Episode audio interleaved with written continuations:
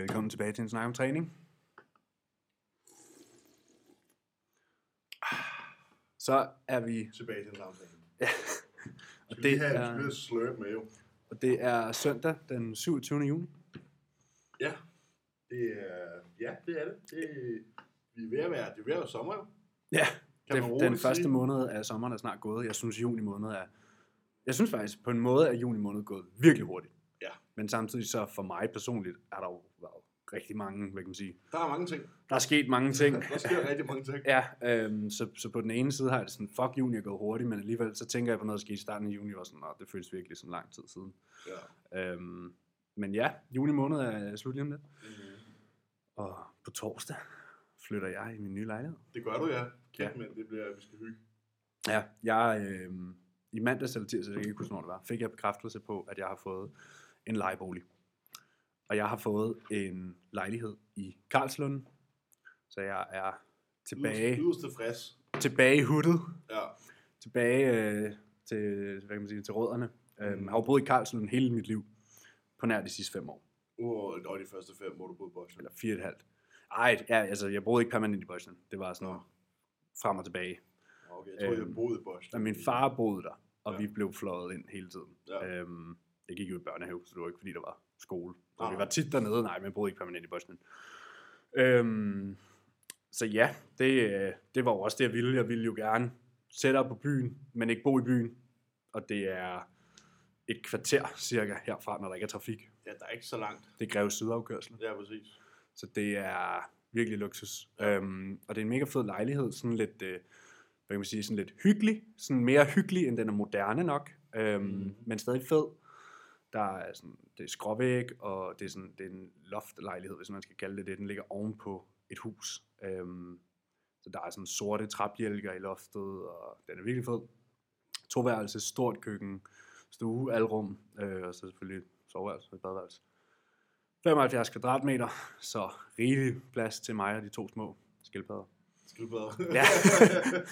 øhm, den vi har nu er jo, den i Køge er 60, Ja. og der er 3-4 kvadratmeter altan også, så den er jo været 56. Jeg får næsten 20 kvadratmeter mere ja. for mig selv, hvor vi før var to, så ja. for rigtig, jeg får rigeligt med plads. Der er plads til, at du kan lave et kontor. Og Køb store møbler. Store møbler, og Ja, ja, have et sofaområde, og Jamen, jeg har også- Ja. Udover sofa, så er der jo også købt lænestol og puff, og alt der skal være, øh, der skal, et eller andet skal fylde gulvet op jo. ja, ja. Øhm, og tænker også, at når jeg så skal videre derfra, så jo flytter jeg. vi skal jo se EM hjemme hos dig på lørdag. jo. Ja, det bliver vi næsten nødt til. Det er jeg næsten nødt til. Øhm, hvad hedder det? Jeg regner jo med, at når jeg så skal videre, så bliver det i hvert fald ikke mindre, eller hvis det gør, så er det ikke meget. Altså, jeg, Det bliver nok det omkring. ja, Så så, det 75 og 100, ikke? ja, så, øh, så jeg kunne lige så godt købe de store møbler nu. Mm. Øhm, der er også blevet shoppet lidt. Øhm, mangler lige nogle få ting.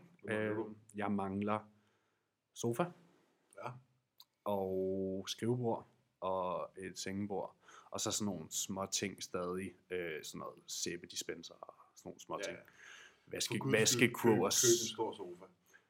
Jamen, jeg kigger på en fem personers. Ja, præcis. For guds skyld. Fordi jeg Sådan en, godt øh, mig og Emilie, vi vil være okay trætte af vores træningsår sofa. Jamen, den vi har i kø nu, det er en fire personers. Ja.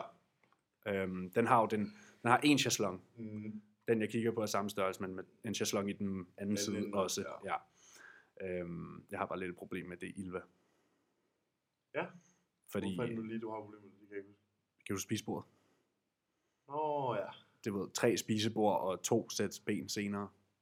Ja, Og en udstillingsmodel og, alt det der. og en, en måned. Og, og så min mor, hun har, hun har handlet i Ilva. Hun, jeg tror, hun har haft to gange, hvor det har været to-tre måneder undervejs. Mm. Det er faktisk ret sjovt. Min mor er fucking cool med sådan noget her. Hun, øh, hun havde bestilt et eller andet reolsystem. Og jamen, de havde jo været sådan, om det kunne blive leveret inden for x antal uger. To-tre uger nok, plejer det at være sådan noget. Ja. Ikke? Og øh, det blev bare udskudt hele tiden. Og så var det sådan, da det var sådan tredje måned, der var hun sådan, at nu har hun fået nok. Så gik hun ned i Ilva Mm. og lød som om, at hun skulle købe det her reolsystem. Ah, hvor smart. Gik hun ned og var sådan, "Nå, men hun skulle kigge på et reolsystem, og, nå, men så fandt de jo frem til det der hun, hun havde købt, og var sådan, Nå, men, ej, det ser virkelig fedt ud, og hvornår kan I levere det? Og, og så var de jo sådan, "Om, det kan vi jo have inden for inden for et par uger. Nå, er det så ikke sjovt, at det, jeg købte for tre måneder siden, stadig ikke er kommet? Og du ved, ekspedienten, "Åh, jamen, øh, ja, altså, ja, det er jo selvfølgelig ikke din skyld, men det er dig, der repræsenterer firmaet, så det må du lige tage videre. Og så røg det sådan langt op, ikke Nej, nej, topchefene, men det røg op. Øhm, og så kom det sjovt nok ugen efter, og så fik hun lige ved et par tusind kroner Tilbage. tilbage også. Og øh, min papfar havde samme oplevelse for nylig, hvor det også var to-tre måneder. Så gik de ned og lavede samme nummer. Og Fik det sjovt nok ugen efter. Ja, Så jeg har sådan lidt, havde lidt princip om, jeg ikke ville handle i Ilva, men øh, der er en fem personers til 6,5, der ser ret så er det fed ud. så er det svært at være, ikke? Ja. Ja. Men ja, jeg har jo seng, og jeg har købt spisbord og spisbordstol og computer og lænestol og alt muligt gode ting, vinreoler. Alt muligt, Alt alt muligt rimelig unødvendigt. Alt muligt gøjl. Uh, ej, jeg vil sige uh, sofabord og lænestol og spisbord og spisbordstol og sådan noget. Og Ret, vinreolen. ret, relevant. Um, vinreoler også vigtigt. Du skal have en vinkøler, som du så kan have monner i, ligesom kalder mig. Ja, og rosé. Ja. øhm, min mor var sådan, du drikker da ikke vin. Jo, bare ikke nu. Bare ikke lige nu. Nej, den skal bare fyldes med Duginiri. Ja. ja. øhm, men ja, jeg flytter på torsdag. Det bliver fucking fedt. Du hjælper. Ja. Der er Emilie hjælper. Bare lige øh, for til at synes, at sengen kan godt deles i to, ikke? Jo, jo. Du har selv hjulpet med at bære den op. Jeg kan ikke huske. Nej, det var sgu ikke dig. Det var Loke. Der... Nej, Ja. var det... Nej, det var egentlig Rasmus der. Jeg, jeg er klar over sofaen. Ja, det er sofaen, du er klar. Ja. ja. Bare, Nej. bare sådan, Jamen, så sengen- skal slænge. Ej, det er to. Godt nok. For ellers så kunne jeg jo ikke rigtig se, hvordan vi skulle få den nogen som helst sted hen. Nej, nej, nej, nej. nej den, øh, den bliver skilt ad. Øhm, men ja, så jeg flytter på torsdag. Og det, det er ubegrænset leje. Eller sådan, jeg har snakket med lejerne, det er sådan, jamen vi laver en kontrakt, og så regner vi ud fra et år, og så regner jeg også med, at jeg er ude til den Ja. tid. Ikke? Jeg regner med sådan ni måneder et år. Ja. Ja, Det bliver fedt. ja det gør det. Øhm, en ny start. Ja. Og så er 11 uger ude i dag.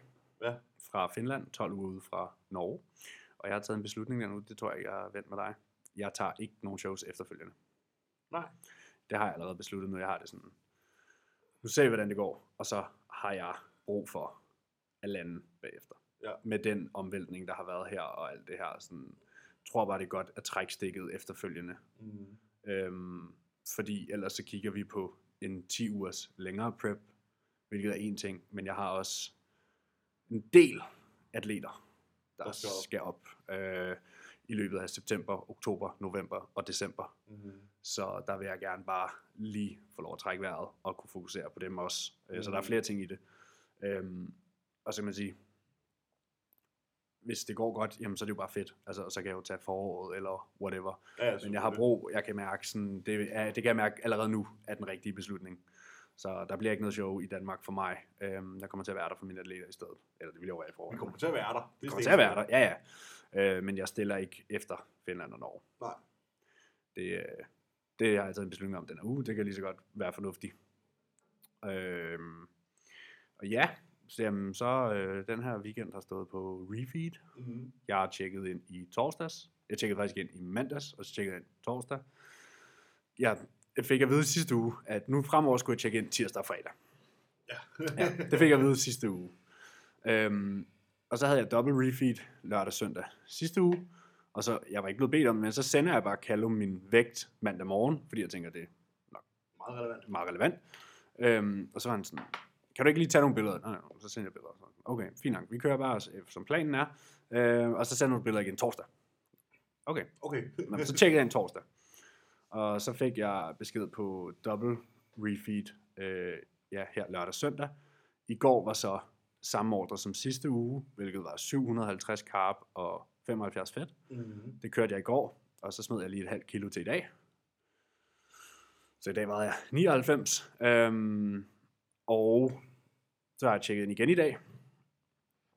Og så har jeg fået ordre på, at jeg skal have endnu mere mad i dag. Jeg skal have 5.000 kalorier i dag. Det er 275 gram protein, så det er 25 gram protein mere normalt. Det tænker jeg fordi, at han ved, at der kommer ekstra trace protein fra, øh, ja, at jeg skal have ekstra carbs og ekstra fedt igen, fordi jeg skal have 800 carb i dag, så 50 mere end i går, og 80 fedt i dag, så 5 Så mere du end i skal går. næsten have en øh, fuld der hviling for dobbelt E. Ja, jeg skal have, 5, jeg skal have 5.000 kalorier i dag.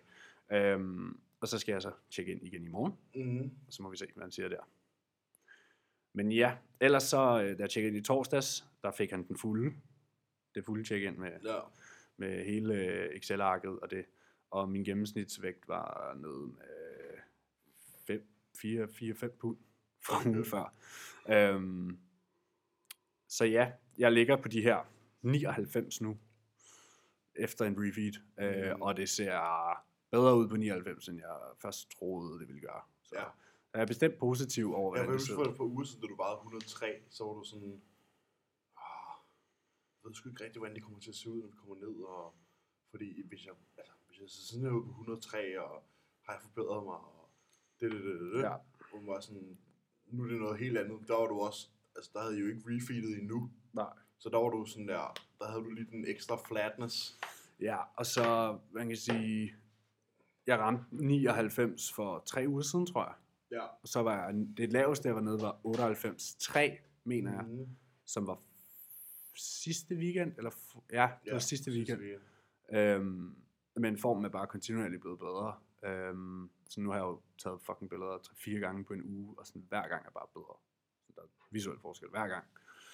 Og jeg kan se især min ryg, er der sket meget på sammenlignet med sidste år. Øh, hvilket, også var, hvilket altså, også var fokuspunktet, ikke? Og armene også, synes jeg især også. Øh, så, og det var jo det, Callum sagde sidste år, da vi startede tilbage i vinter, Arme ryg og arme var, var fokus. Så det er jo dejligt, kan man sige. Mhm. Så, så har man jo kunne eksekvere den gode programmering. Også selvom man har trænet udenfor i et halvt år. Ja. og kun har haft en måned med optimal træning, som man siger. Ja, under Callum, ja. Ja. Ja, så alt i alt øh, fint tilfreds.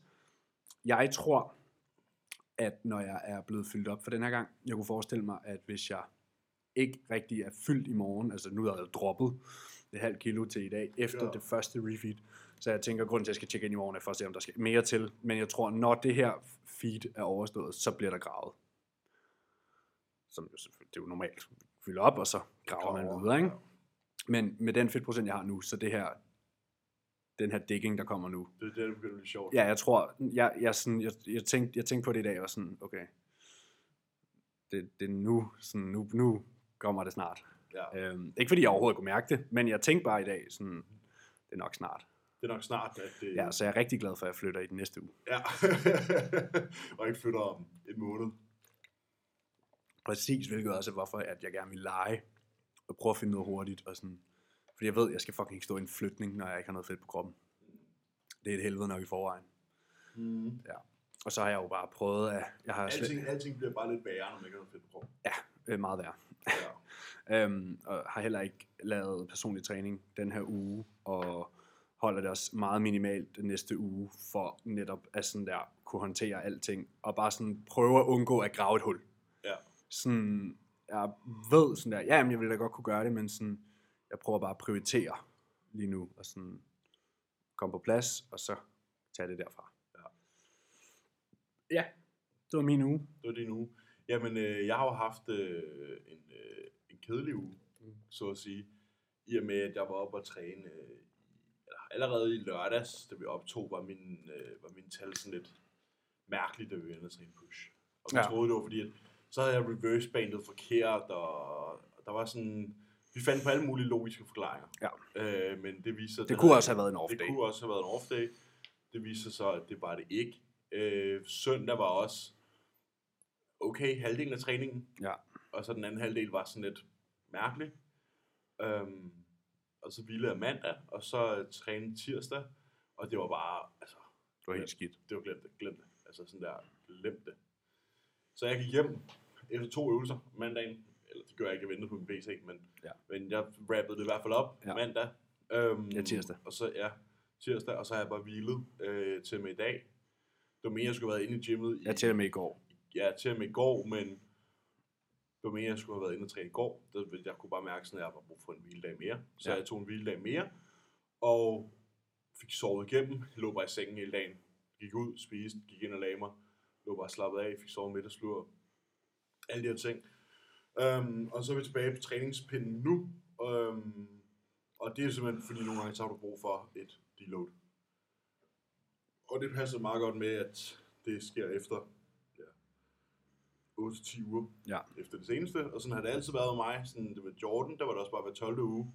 Så passede det nogenlunde med, at så skulle man lige Ja. en tur på sofaen, Ja. og så kunne man træne videre igen bagefter. Um, og jeg har så en uge nu her, hvor jeg kun skal lave mine back-off sets, og at jeg ikke må Du skal ikke slå jeg skal din ikke tal. slå mine tal. Jeg skal bare holde mine tal på Ja. mine back-off sets kun. Ja. Så det kommer til at være meget nemt. Ja. Øh, fordi der kommer ikke til at være noget topset. Nej. Det kommer kun til at være et back-off set, og Ja. så er det det. Så bare lige ind og kilde lidt. Bare lige ind og bevæge sig lidt. Ja. Og så er det videre. Motion- det- Motionere.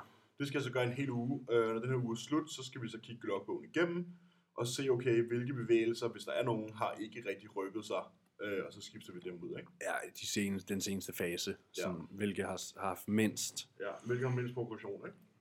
Så det er planen lige nu. Ja.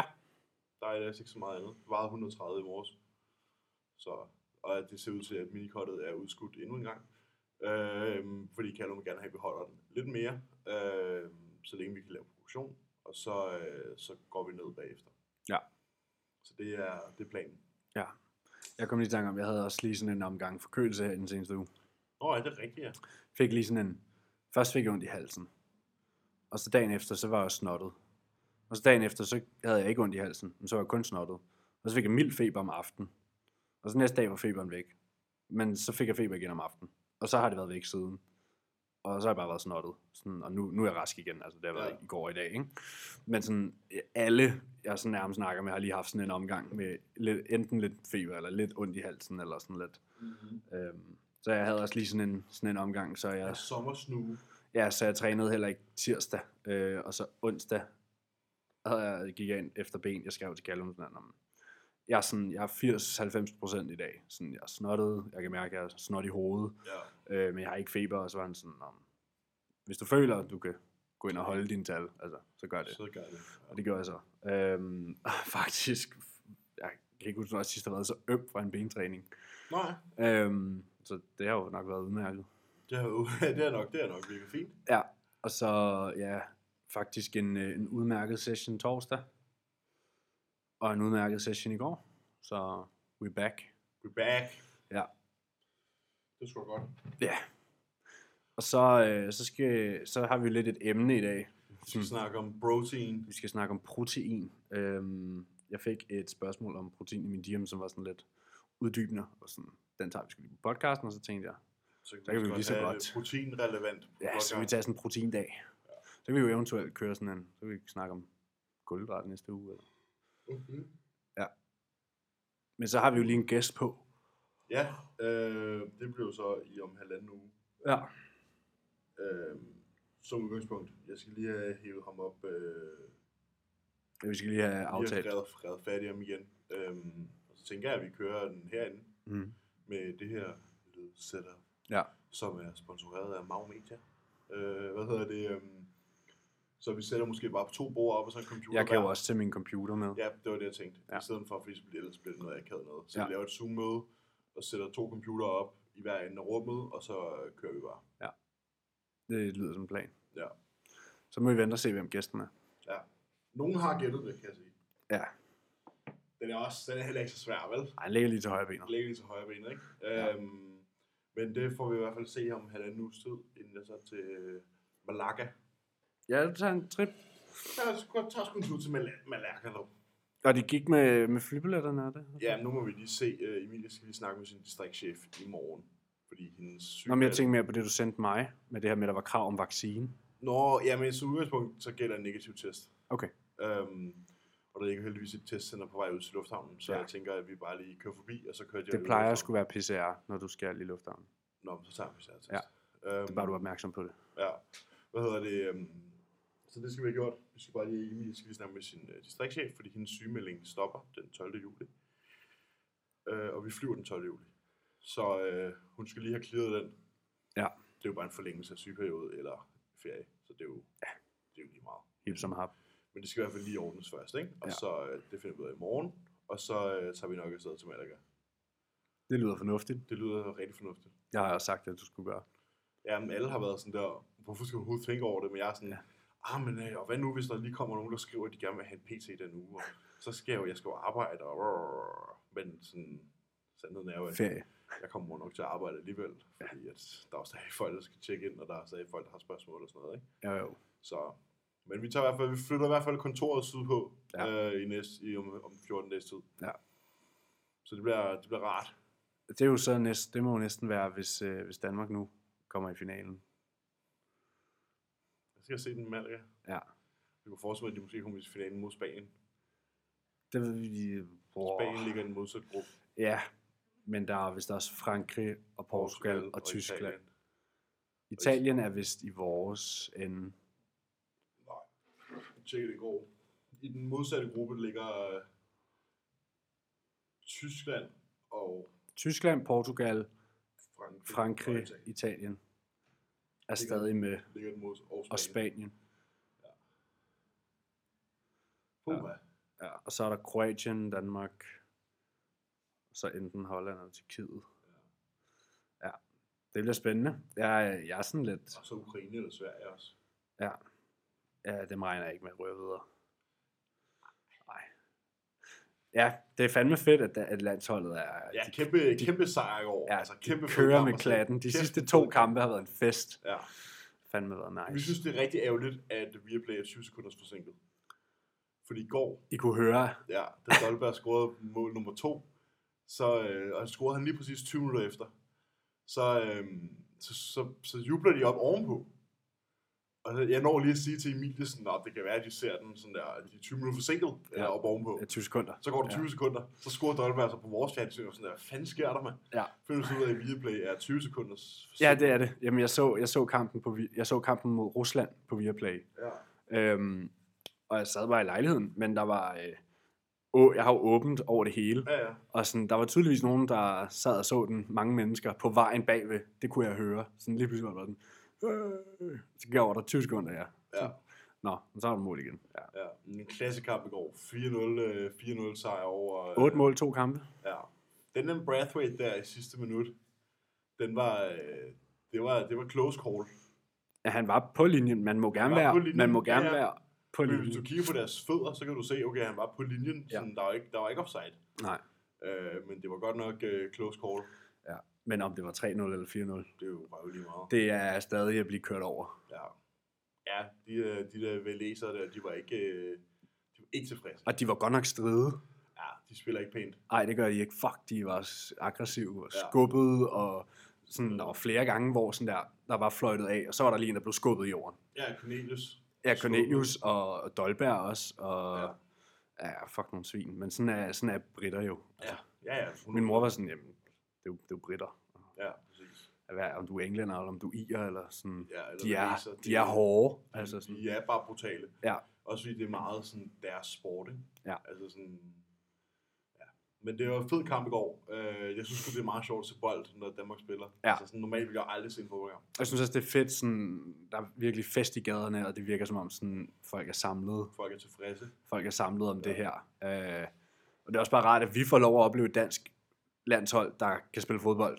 Ja, så har vi også prøvet det. Ja, præcis. Jeg snakkede med, Jens herude, øh, han snakkede i går om sådan, jamen han har svært ved at have den her, han er jo kæmpe Brøndby-fan, han var sådan, når Brøndby spiller, så tror jeg, jeg har det, som I har det, når, Ja. altså når det går godt, og sådan den her følelse. Så er jeg sådan, Mhm. jo jo, men vi har jo heller aldrig oplevet, at Danmark kunne finde ud af at spille fodbold før. Nej, præcis. Så altså, det, er fuck, det er fucking fedt. Um, men det er jo også et hold nu, hvor sådan langt størstedelen spiller i italiensk fodbold, og engelsk fodbold, og Det er spansk høj fodbold. klasse. Det er og, høj klasse. Ja. Er det Så- Milan spiller, er det er det Ja. Spiller, er det Chelsea spiller? Er det... Ja. Det er høj klasse. Ja. Så det er, det sgu ikke til at kimse af, sådan en dansk øh, landsholdssejr der. Det, Nej, Det er godt altså lide. Dolb, eller ikke Dolberg, hvad hedder det? Schmeichel, er, han vandt Premier League for ja, to-tre år siden. mm, Vi har en Champions League-vinder med Christensen, Chelsea. AC. Ja, og ja, hvad, hedder han? Højbjerg, og altså gode spillere. Det er en fornøjelse. Jeg elsker det. Jeg synes, det er fucking fedt. Mm. Og nu skal vi bare vinde over Holland eller Tjekkiet. Ja. Og så er der to kampe til trofæet. Ja. Der er tre kampe til trofæet nu. Øhm, men jeg har det sådan, hvis vi performer, som vi har gjort de sidste tre kampe. Ja.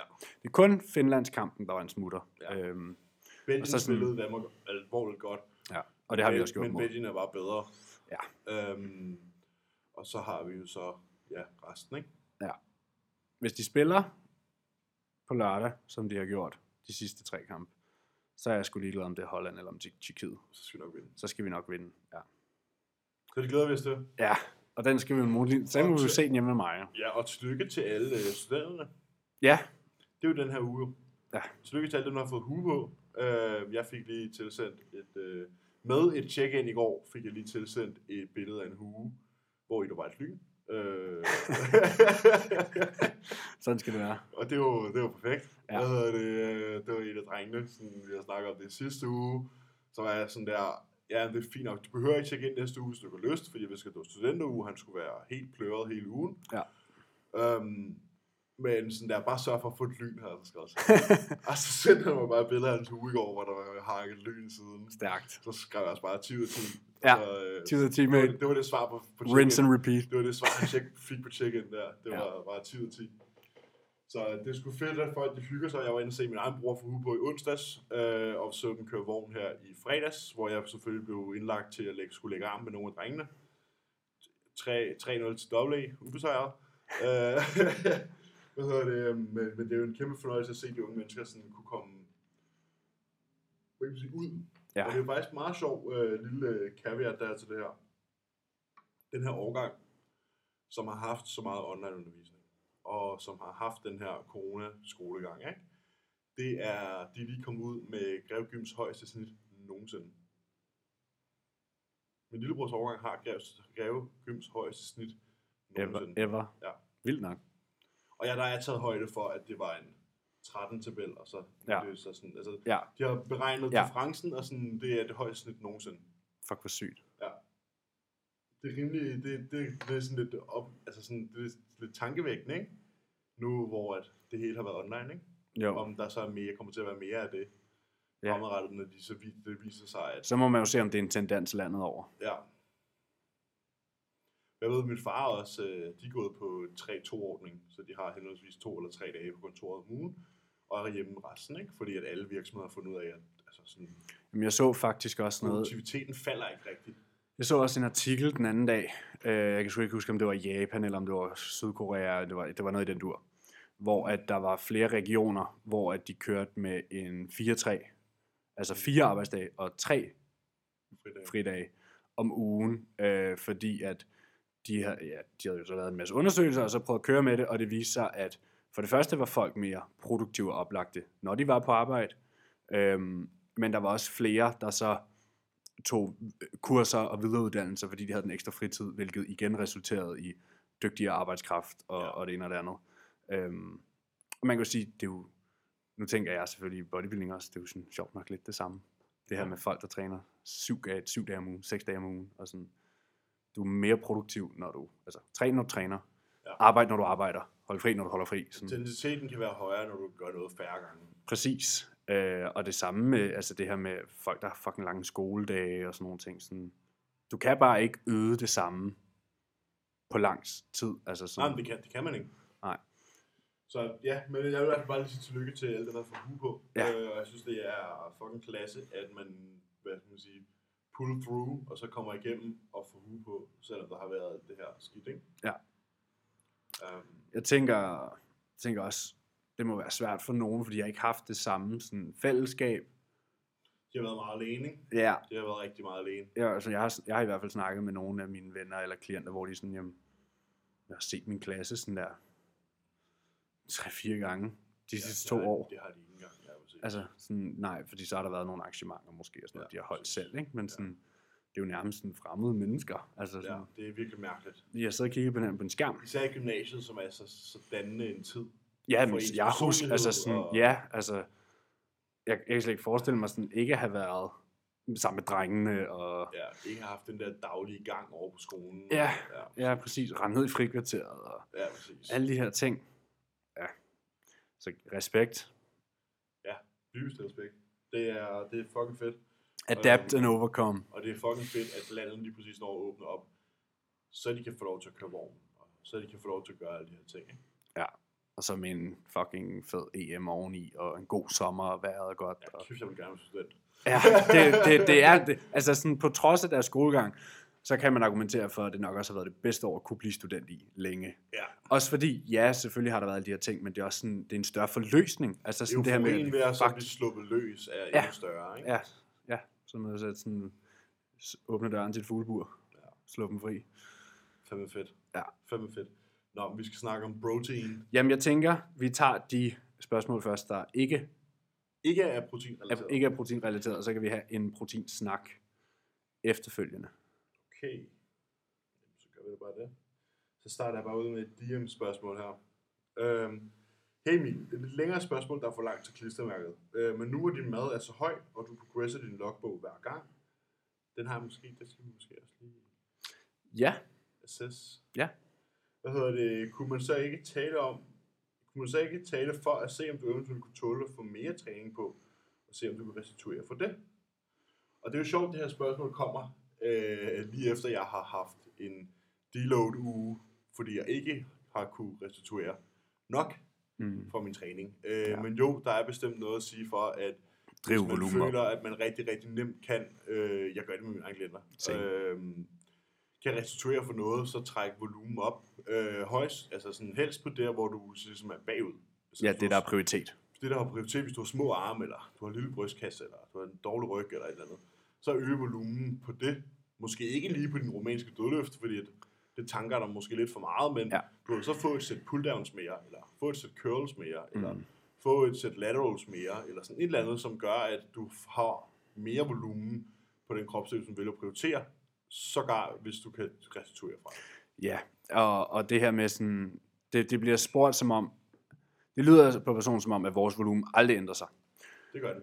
Det gør den ikke så tit, men det gør den. Øhm, vi, havde, vi oplevede begge to under lockdown, hvor vi begge to var sådan, hvad kan man sige, du er stadig undervejs i det her push, øh, men da jeg også var, øh, der var det sådan, blev skruet op to gange, ikke?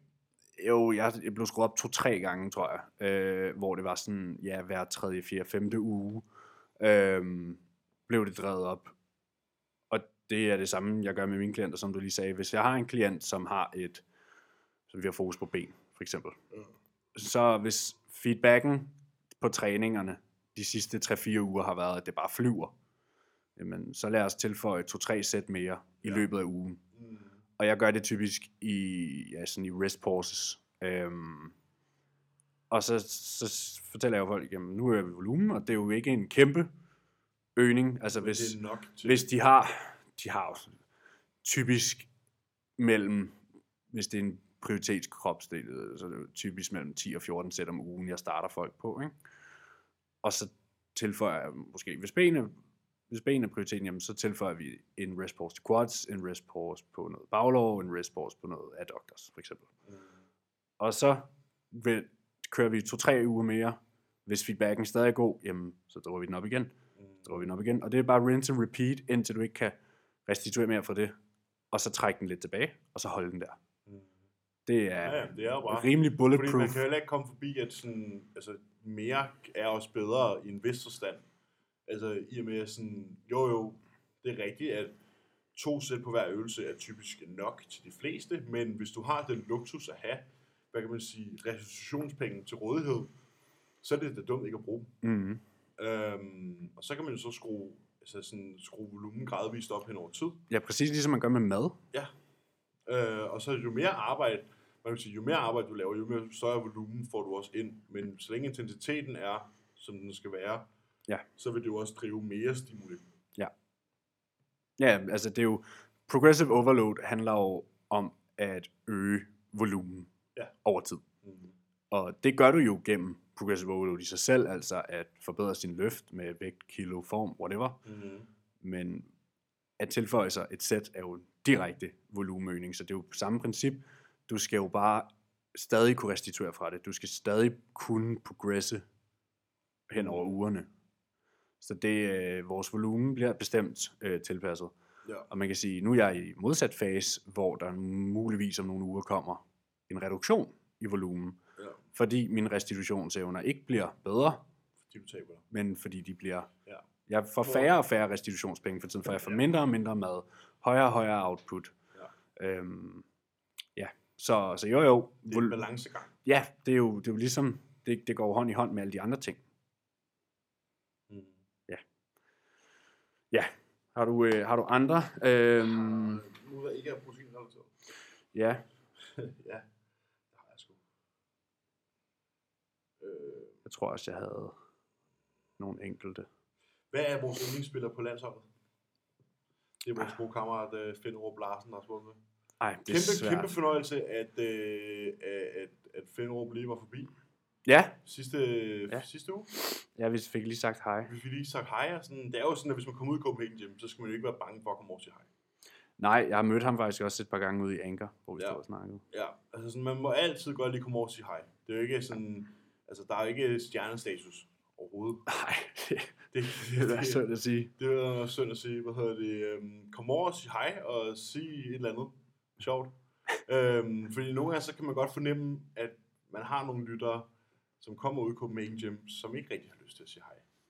Ja, men, jeg synes, nogle gange, så kan man se det, sådan, Ja. man kan se sådan, han ved godt, hvem jeg er, men han siger ikke hej. Ja. Hvor det sådan, altså, bare, bare kom over og sige hej. Altså, det er jo bare, det er jo bare Emil og Emilio. Det er jo ikke, Nej, altså, det er bare mig. det er bare os jo. Det, Ja. det, det, der sker jo ikke noget. Altså sådan, kom over og sige hej og give en, øh, en knuckle, og så lige tage en, en sludder på en sladder. Ja. Bare lade være at komme over med dit sæt, fordi så river hovedet af dig. Mellemtid. Me, me, mellemsættene. Hvad ikke? var spørgsmålet? Det Ja. glemte jeg. Øh, Yndlingsspiller på landsholdet. Yndlingsspiller på landsholdet.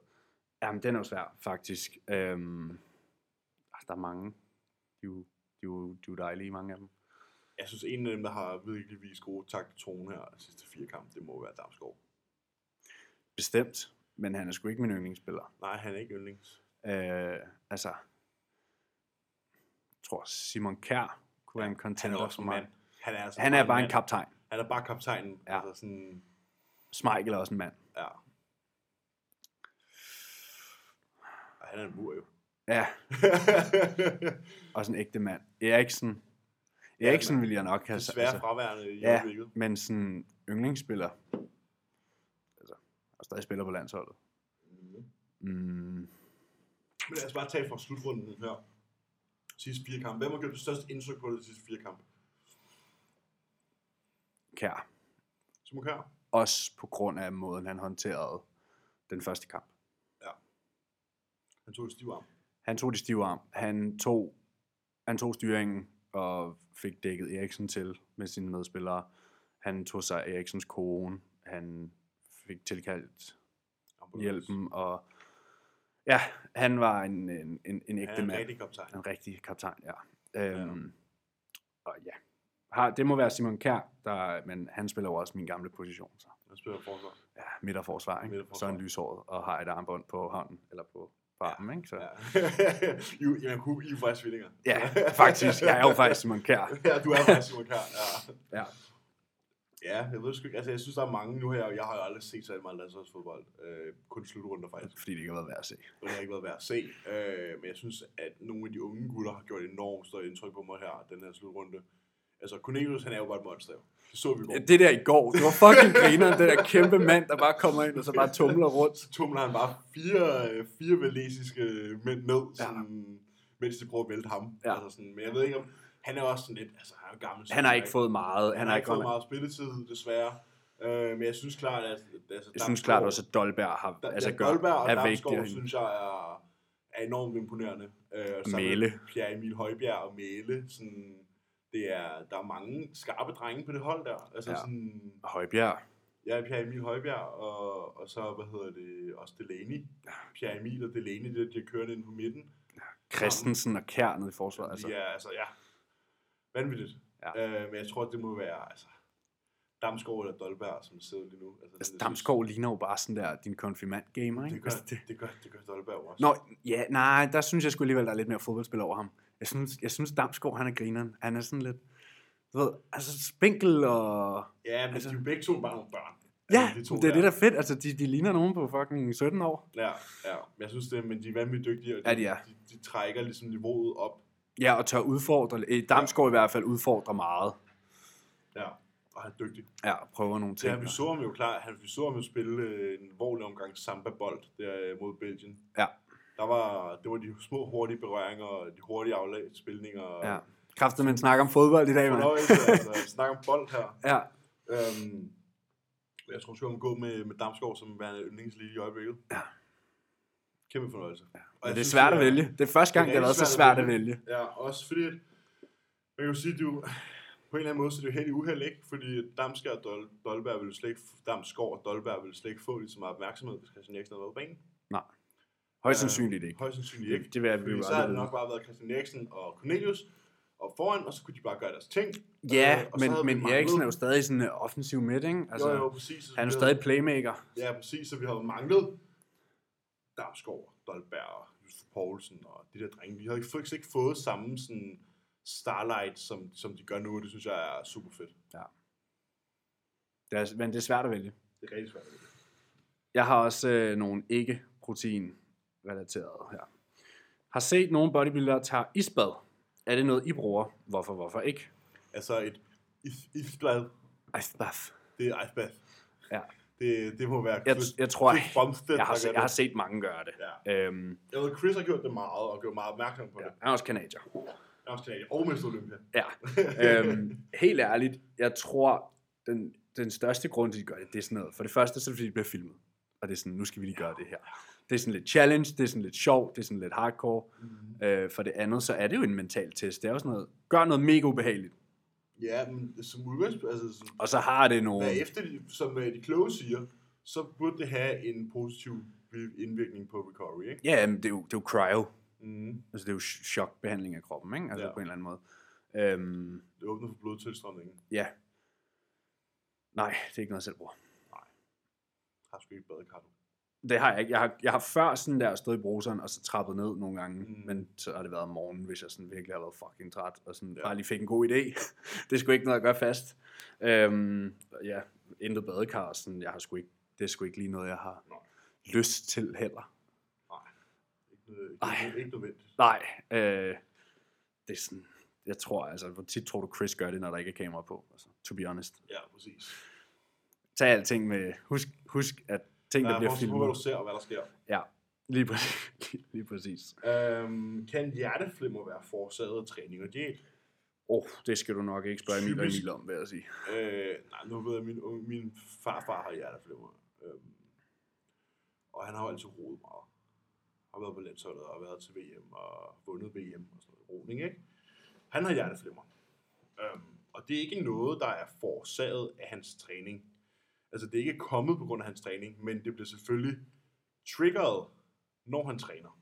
Ja, fordi hjertet bliver... Fordi hjertet pumper. Øh, og hjerteflimmer kan jo være... Jeg ved ikke, kan du, kan du give en, mig en definition på, hvad hjerteflimmer er? For jeg er bestemt ikke... Så vidt jeg har forstået det, så er det sådan, hjerteflimmer er, når, når takten, altså sådan, Glipper, eller hvad? ja, det er når den glipper, eller slår, slår skævt, eller sådan, du ved, en, en meget overdrevet HRV. Øhm, ja, hvis jeg tager fejl, så må du sige. Jeg vil prøve lige at google her. Hvad er hjerteflimmer? En rytmeforstyrrelse i hjertets elektriske system. Ja. En af de mest almindelige hjertesygdomme. Mm. Og det er som sagt bare en hjertesygdom. Det er ikke øh, noget, der kommer af din diæt. Øh, Du får ikke hjerteflimmer af at spise kylling, øhm, og du får heller ikke hjerteflimmer af at løfte vægte. Men hvis du har en hjertesygdom, som er hjerteflimmer, så kan det være triggeret af, hvad hedder det, øh, ja, idræts, sportslig udførsel. Ja, der står, at øh, hvis forhøjet blodtryk, sukkersyge og tidligere blodpropper og så videre har også spiller en rolle. Øhm, men umiddelbart, nu er jeg inde på NetDoktor. God God, gamle. ja. God gamle. Øhm, der står, at det, hvad kan man selv gøre? Der står, der står til sidst, det indebærer motion, sund kost og kontrol af dit blodtryk. Ja. Så sådan, der blev opfordret til, altså man kan jo sige, hjertet er en muskel og skal trænes for at være effektiv, øh, og det gør du ved at få det til at pumpe hurtigere, som du gør ved at dyrke motion. Øhm, så sådan, det kan jo godt være, at det trigger det i momentet, men når det er restitueret. Ligesom en hver en muskel. Altså, ja. Det er jo det samme med, at om du er kardioeffektiv eller ej, din kondition, jamen det er jo, hvor godt arbejder dit hjerte under pres. Mm. Jeg ved, min farfar, han bliver, bliver brændt øh, i hjertet for at få det på plads. Okay, Hvad det er, og det er blevet mange gange. Øh, brændt i hjertet simpelthen. Ja. Det lyder vildt. Ja, det, ja, det gør det, men det er det, det, de gør. Ja. Øh, man brænder Jeg ved ikke, om det Jeg skal ikke sidde her og gøre mig klog på det. Men Nej, vi mig, vi er ikke, ja, Ikke vi er ikke øh, kardiologer. Nej, tror jeg, det overhovedet ikke. Ja, ja, kardiologer. Hvad hedder det? Øhm, man kunne forestille mig, at det er fordi, at der er en eller anden flap, eller et eller andet, der sidder forkert.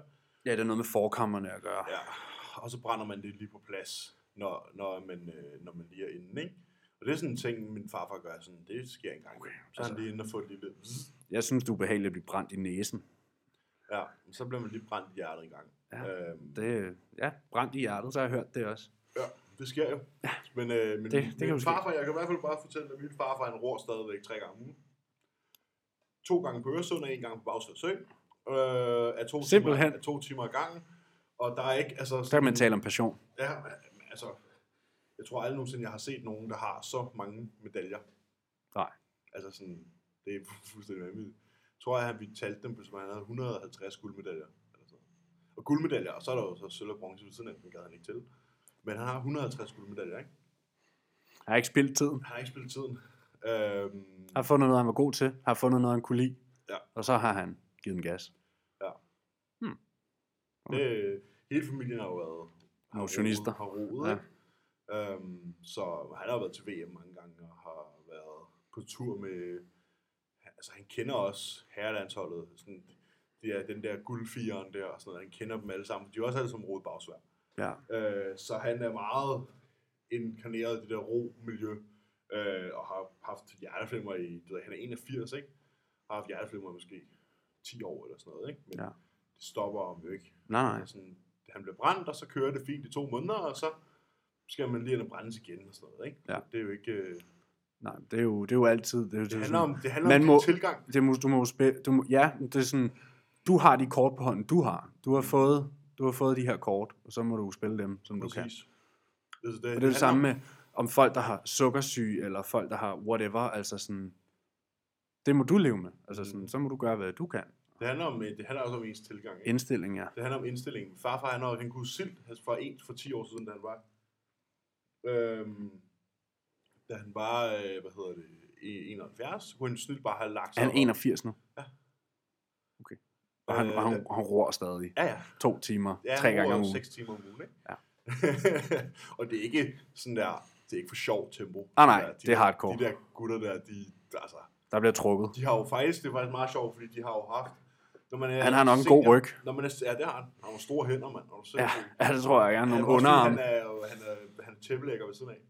Han har været selvstændig. Han er hvad ved siden af? Tæppelægger. Tæppelægger. Ja. Okay. Han har været selvstændig, øh, han har jøjet i gulve. Okay. Han er en selvstændig gulvmand og tæppelægger i, ja, 40 år.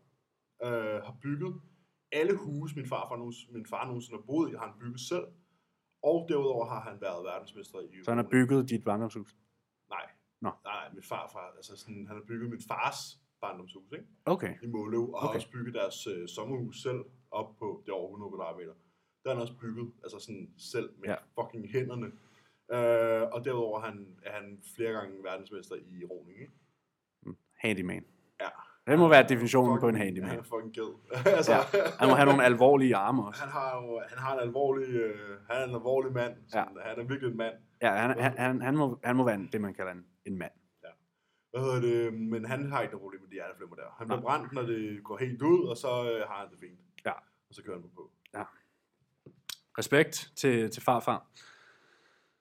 Så har vi øh, fra vores gode kollega, Daniel Mm. Øland, blevet bedt om at sammensætte den bedst mulige atlet med body parts kun fra danske atleter. Okay. Og jeg tænker, at øh, vi selvfølgelig udlader os selv. Ja. Øhm, og så tænker jeg, at vi laver en bodybuilder. Okay. Eller så, så er det sådan, om, skal det være en mensfysikatlet? Skal det være en... Altså, der er jo ikke så forfærdeligt mange bodybuildere i Danmark. Nå, nej, nej, men, men vi laver en bodybuilder. Og det må gerne, så kan det være fra hvem som helst. Men sådan, hvem har de bedste ben? Hvem har de bedste? Hvem har de bedste? Jeg kalder den med det samme. Så lad os starte fra bunden. Hvem har de bedste læge i Danmark? Johnson. Ja, det har Johnson nok.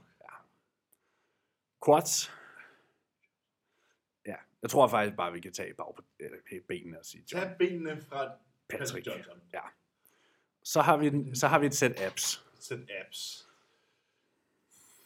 Daniel Baumann. Ja, Daniel Bagmand. Han har virkelig nogle pæne Ja, ja, han har mavemuskler. virkelig en pæn mavemuskler. Mame Machine. Ja. Øh, George. Ej, jeg vil tage, der vil jeg ikke gå med absene. Jeg, jeg tænker øh, George på ryggen. Ja. Ja. George, okay, Patrick Johnsons ben. Mm. Det er, det, det er quads, det er hams, det er leg. Mm. Og så har Og vi, øh, glutes. og så har vi øh, Georges ryg. Ja. Øhm, jeg, jeg, jeg, hvad, tænker, tænker, hvad tænker du abs? Altså, apps, der tænker jeg enten... Hvem er kendt for deres abs? Altså, Daniel Bagmans Ja. apps er rigtig gode. Ja. Det kunne vi selv tage. Ja. De er gode. Hvem skal have padkassen? Hvem skal have patkassen? Hvad har vi af contenders? Hvem har rigtig gode til Det kunne være selv sammen, som har stillet spørgsmålet. Øland? Ja. Ja. Eller Munk. Ja, jeg tænkte også på Munk. Nu sidder jeg lige her og slår op. Munk. Det er sgu ikke mange for nylige scenebilleder, der ligger af Munk. Øh, Øland. Hvad med armene? Øl, Øh. Øland har, et, Øland har et, et pænt bryst, ja. Han har faktisk også nogle solide delts. ja. Ja. Det har George tænker, altså også. Jeg tænker, at øh, armene, der er kun én. Det må være Mike jo. Det er ikke engang Det løgn. er Big Mike. Ja, det må være Mike. Det må være Big Mike, du. Ja, ja, vi kan ikke tage Johnsons arm også. ja. Ellers så havde jeg sgu nok gået med Johnsons arm. Men det er jo også klart, altså Johnson er jo bodybuilderen i Danmark, altså. Og det er jo klart, at han også er størst. Altså større end alle de andre gutter, ikke? Altså, det er jo klart, så sæt ham op ved siden af en hvilken som helst mens fysikatlet. Altså. Ja, ja, præcis. Øhm, Men jeg tænker, vi tager Mikes arm, ikke? vi tager Mikes arm. Ja. Så mangler vi, øh, vi mangler nogle skuldre, og vi mangler noget bryst. Vi fandt ikke en contender til padkassen. Jo, altså jeg synes bestemt, Øland har nogle, øh, nogle rigtige... Han har både gode skuldre og, og en flot padkasse også. Ja. Øh, to be honest, Risgaard, han har altså et Han har en alvorligt chest. overdådig- Overdådig brystkasse. han har. Ja, det kom jeg skulle lige til at tænke på. Det, øh, de er altså ret alvorlige, de, øh, de, de to øh, chesticles der. Det er fandme i orden.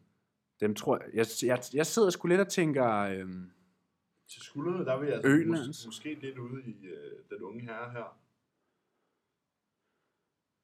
Der sidder så også par ordentlige kanonkugler på, øh, på siden af kroppen. ja, ja, det er Flygenring, der bliver øh, der er oppe at vende her. Jannik har nogle alvorligt store, øh, flotte skuldre. Ja, jeg synes måske, ja, hmm. Er Berner? Hvordan ser Berners skuldre ud? altså prøv lige at se de her delts. De er runde. Det er, det, det er et billede af Øland fra den 12. juni.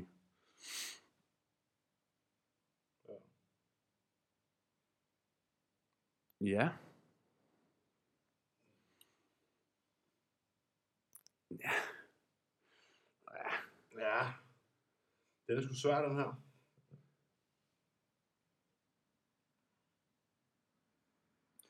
Jeg tænker Øland skulder, Rigsgaards patkas, for at det heller ikke kan blive trukket ud for langt. Altså, der er jo 100 atleter, man kunne gennemgå, men nu har det lige været sådan on top of mind. Ja, men lad os tage dem så. Så vi har Johnsons understel. Ja. Ja.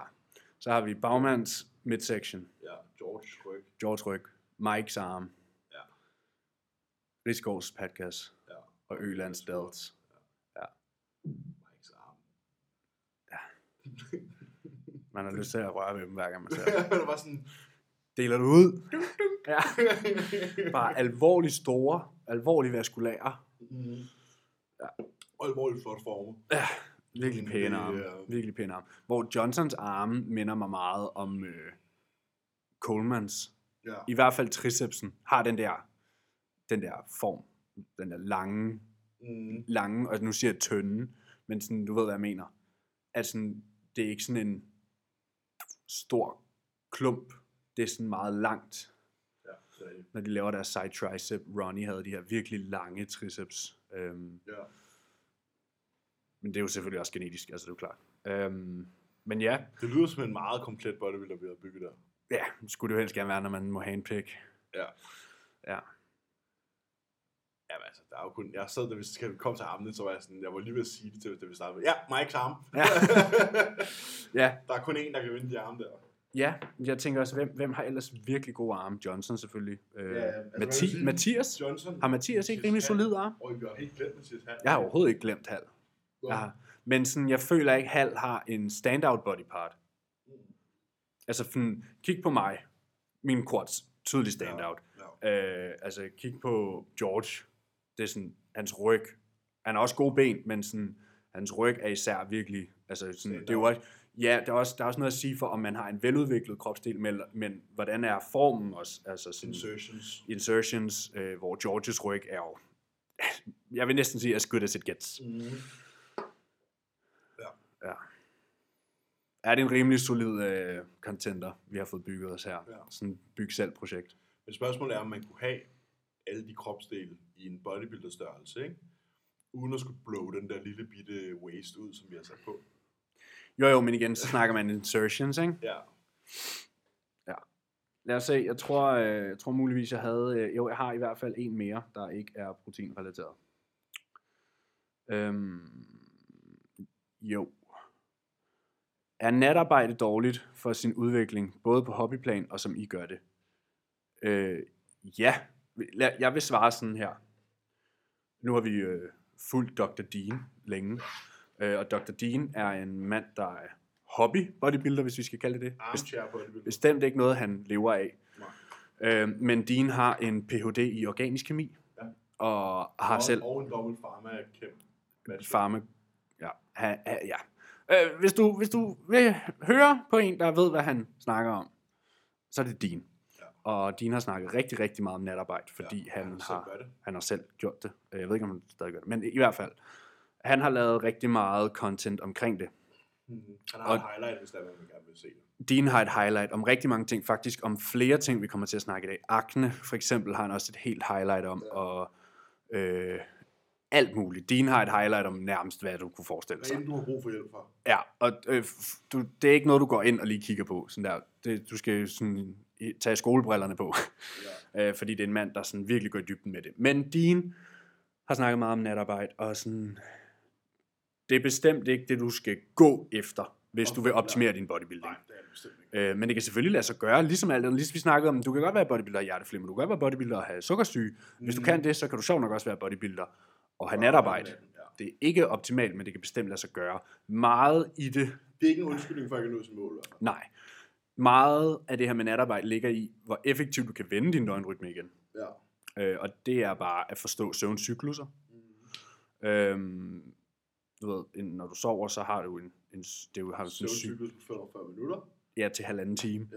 Ja. Øhm, og det har noget at gøre med, hvis, hvis, nu, hvis nu du skal møde på arbejde, hvis du skal starte natarbejde søndag aften for eksempel, Mm. så, nu siger jeg det bare meget kort forklaret, så skal du sove så længe du kan søndag morgen. Ja. Og så tager du på arbejde søndag nat, Ja. og så går du i gang med den døgnrytme, du vil have, hvis du har kontinuerlig natarbejde. Så du kommer hjem fra ja, hvor folk de kører typisk 14 dage på, 14 dage. Ja. Så, så kører du så hjem. Så kommer du hjem. Lad os sige, du har 22 til 06. Whatever. Så når du kommer hjem, går du i seng, og så sover du dine 8-9 timer. Står op. Når du så skal vende den igen, så lad os sige, så har du haft sidste vagt torsdag aften kl. 22 til fredag morgen 06. Når du så kommer hjem fredag morgen 06, så skal du så kun have halvdelen af dine søvncykluser, og du har som regel 3-4. Så det vil sige, så går du hjem og sover 3-4 timer. Og så det er der, folk går galt i byen, fordi der skal du stå op.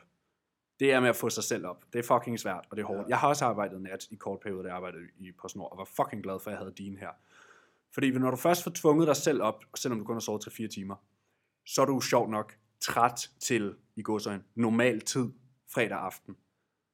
Og så kan du sove i en normal døgnrytme igen, hvor du sover om natten, og så er det udlignet. Fordi de timer, du så mister, i godsøjne mister, der fredag, har du indhentet i søndags, Ja. da du sov længe. Mm. Så sådan, og så er natarbejde bare ikke godt, fordi din circadian rhythm, altså sådan optagelse af mad, der er en masse ting, der spiller ind. Men gå i dybden hos din, hvis det er noget, man vil kigge på. Men nej, det er bestemt ikke optimalt. Nej. Også fordi hvis vi snakker om sådan noget power of light og sådan nogle ting, ikke? Præcis. Altså sådan solens... Der er en grund til... Dagslys. Der er en grund til, at du bliver frisk, når solen står op, og du går i seng, når solen går ned. Ja. Så der, der er en Og at de fleste dyr gør det. Ja, det er chrono. Det vil sige, det er noget, som er... 65, vi er jo 65.000 år gamle. Nej, vi er meget mere. Der har været mennesker på jorden i 65.000 år. Meget mere. Er noget? Flere hundredtusind år, ja.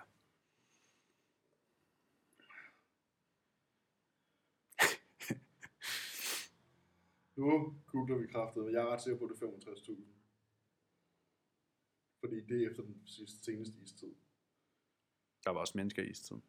Skulle det derfor, der var blevet jagtet? Mennesket spredte sig til Europa og Asien for omkring 60.000 år siden. Jeg spredte sig. Ja, ja, jeg ved godt. Øh, De ældste fossiler efter de første anatomisk moderne mennesker menes at være 200 eller 300.000 år gamle. Yes.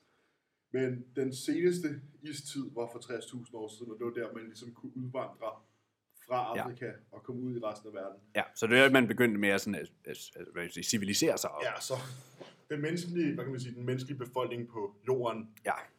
er cirka 60.000 år gamle, men de allerældste mennesker er 200-300. ja, rasen, vores oprindelse, Ja. er, er 200-300.000 år gammel. ja. Men øh, som udgangspunkt så er det 65.000, hvis vi sådan snakker generelt. Ikke? Ja, altså beboelse, ja. hvor, øh, hvor vi har ja, i spredt hele verden. Ja. ja. Og det er en ting, det er sådan, det, det, der, der er en grund til, at du får kulhydrater, lyst til kulhydrater efter klokken 5. Der er en grund til, at du vågner om morgenen. Der er en grund til, at du bliver træt, når solen går ned. Der er en grund til, at du, hvad hedder det, at du spi, altså du optager din mad bedre, når du slapper af. Der er en grund til, at fruktose bliver optaget på en anden måde, end glukose gør. Sådan alle de her ting er, er noget, der stammer fra dengang. Ja, Altså alt, sådan- alt kan altid relateres altid, til stenalderen. altid relateres til det der. Altså, det er så vanvittigt. Øhm, fordi for eksempel det der med, ved, ved fruktosen og, og glukosen, ikke? Altså, der er jo... Dengang, når du var ude at jage, så spiste du jo de bær og ting, der du kom forbi. Ja. Og så om aftenen, så spiste du så det, du havde fanget. Så sådan, kroppen har lært at lagre fruktose og spike insulin anderledes. Det er også derfor, at kulhydrat er det eneste, der ikke er essentielt, fordi det var jo ikke en del af kosten. Det, kosten var fedt og protein, nødder, kød, fedtholdigt kød, Mm. øhm, organer, og så var det primært frugt, bær, fisk. Mm. Det, men du fik jo ikke brød. Altså, jo, det er jo noget, man senere har fået. Paleokost. Ja, det er jo noget, man senere, altså så kunne man bage brød og sådan, men, Ja. men det her med, altså, vi stod ikke for 200.000 år siden og bagte brød, eller altså, Der kunne ikke engang lave et bål. dyrket, dyrket store kok kartofler, og Nej, sådan, nej, præcis. så langt var man ikke. Øhm, så det var jo, ja, ligesom alle andre dyr. Mm. Men, men der er bare rigtig mange af de ting, som går igen nu, 200.000 år senere, som stadigvæk er relevant, og stadigvæk er noget, man burde rette sin øh, madplan og sin dag, dagsrytme efter, Ja. fordi det er bare noget, der fungerer. Ja. Altså sådan, jeg har det sådan typisk, at når folk hos mig, hvis de har en hviledag, så får de største af kulhydrater om aftenen. Ja. Fordi jeg ved, at for det første, så er det der, de typisk er hjemme fra arbejde, så de kan optage dem bedre. For det andet, så ved jeg, at det er der, de får lyst til dem Forbedre deres søvn. forbedre deres søvn, og jeg ved, at de der, det er der, de får lyst til dem. Så der så undgår du også lige, at der bliver spist ved siden af planen. Fordi folk, de får saturating ting Ja, og, efter klokken og sådan, man kan sige, de, det glukose, man så eventuelt har fået, det var jo fordi, der var en, ja, hvad er det, aminoglycogenesis, når man fik spist. Fordi, ja, diæten har bestået rigtig meget kød. Øh, fordi man jagede og fiskede. Øh, så kroppen har jo omdannet proteiner til glukose. Øh, men Ja. ellers var der jo ikke nogen direkte glukose. Så du stod ikke op og fik havregryn. Der er mange, der siger, øh, det er faktisk en dialog, vi har haft mange gange, også med andre, det her med, jamen, øh, når solen står op, så, øh, så skal du have kulhydrater. Og sådan, nej, men det er ikke relaterbart til. Du stod, Ja. ikke op og, du stod ikke op og fik havregrød. Nej, det er rigtigt. Det er fuldstændig korrekt, at dit blodsukker er lavere om morgenen. Ja. Fordi du sjovt nok har fundet noget at spise hele natten. Uh, makes sense. Makes sense. Uh, funny how it works.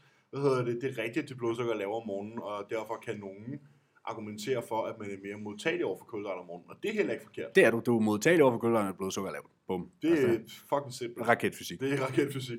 Hvad hedder det? Øhm, men sådan, det Du vil jo nok ikke- stå op og tage en håndfuld bær. Ja, ikke? det er Og en håndfuld essentielt. nødder. Det er ikke sådan. essentielt at få kulhydrater om morgenen overhovedet. Kulhydrater er ikke essentielle. Nej, præcis. Så sådan, det der med, at man skal starte sin dag med at få havregryn.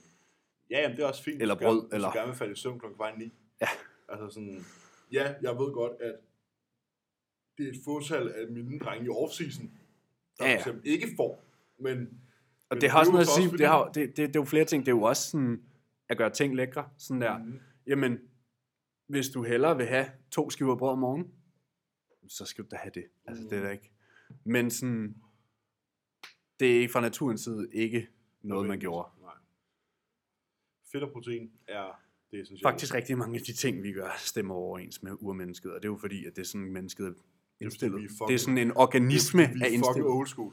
Ja, vi, det er, Vi det er meget mere old school end alle de andre, mand. Ja, urmennesker. Vi kører neandertalerkost her. Ja. Hvad hedder det? er rådyrhjerter og nødder, Rådyrhjerter. Vi kører den fuld, uh, fuld organ. valnødder og organer Ja. Så hvis I gerne vil have øh, organer og og kastanjer, Og så kommer I bare over til os. Ja. Jeg skal altså lige ud pisse. Jamen, det er i orden. Og så efter en lille humanitær teknisk pause, så øh, har vi jo nogle øh, proteinspørgsmål, vi skal have taget. Ja. Øhm, jeg har dog lige nogle flere, inden vi hopper i proteinerne. Ja. Øhm, mening om upright rows. Mening om dem. Hvad er din mening Øhm. om upright rows? Lad være med at lave dem med en stang. Ja, lad være med at lave dem med en stang. Hvis du absolut skal lave dem, så lav dem med en øh, e-sætbar Ja, eller et ræb. eller et ræb, fordi det til gode ser overhovedet ikke den måde, din underarm og dit håndled er lavet på. Jeg ved, jeg har set Joe Bennett lave mange gange, hvor han tager en stor håndvægt, Mm. og så tager han ræbet. Nedenom. Ja, sådan, så den får fat om håndvægten. Mm. Fordi så har du fri bevægelighed i håndledet. Mm. Mm. Øhm. Det er ikke en øvelse, jeg selv har lavet særlig meget, så Nej, jeg har jeg ikke sådan... Jeg kan ikke huske, når jeg sidst har lavet den op. Og jeg har aldrig fået den programmeret af nogen, så jeg tænker sådan, at Det er der en grund til. umiddelbart må der være bedre alternativer. Som for eksempel en skulderpres og en lateral, lateral raise. Ja, og en row. En row nogle shrugs. Ja. ja. Kan I snakke lidt om værktøjer som Aura og Whoop? Altså, vi har jo snakket om det meget. Der står også her, kan I snakke lidt om værktøjer som Aura og Whoop igen? Jamen, Altså, det er jo, det er jo til at finde, hvis man lige spoler lidt tilbage. Jamen, jeg har det sådan her. Hvis man gerne vil have noget, der tracker, så er Aura nok, Så er Aura nok den bedste. er Aura nok den, be- altså sådan, Den er i hvert fald bedst til søvn. er de nye, jamen sådan, hvis vi sammenligner med et Apple Watch, jeg tror, at de nye Apple Watch er det billigste, sådan der 5-6.000. Ja. Og jeg synes ikke, de er pæne. Nej. Hvor en Aura-ring, altså, for det første er det bare en ring. Mm. Sådan, det er så, om man er til at gå med ring eller ej. Øhm, men det er stadig bare billigere. Jeg bryder mig ikke om Whoop, fordi det er et øh, abonnementsløsning. Ja.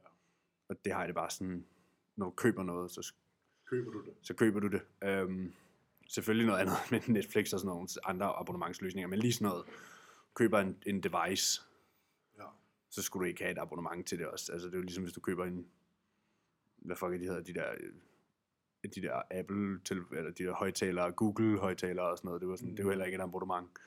Øhm, og så, så vidt jeg ved, er Aura vist også bedre end Whoop, med præcision og sådan nogle ting. Ja, men det der med Whoopen, det er jo, den måler i løbet af dagen. Altså sådan, hvor det gør Auraen ikke rigtigt. Og den gør. Den måler din skridt og din calorie burn i løbet af dagen, men den måler jo, den er bedre til søvnen. Ja, men den måler altså også din resting heart rate så videre i løbet af dagen. Jeg ved ikke, om du har set den seneste opdatering, men sådan der, har ikke brugt den længe, bro. Aura?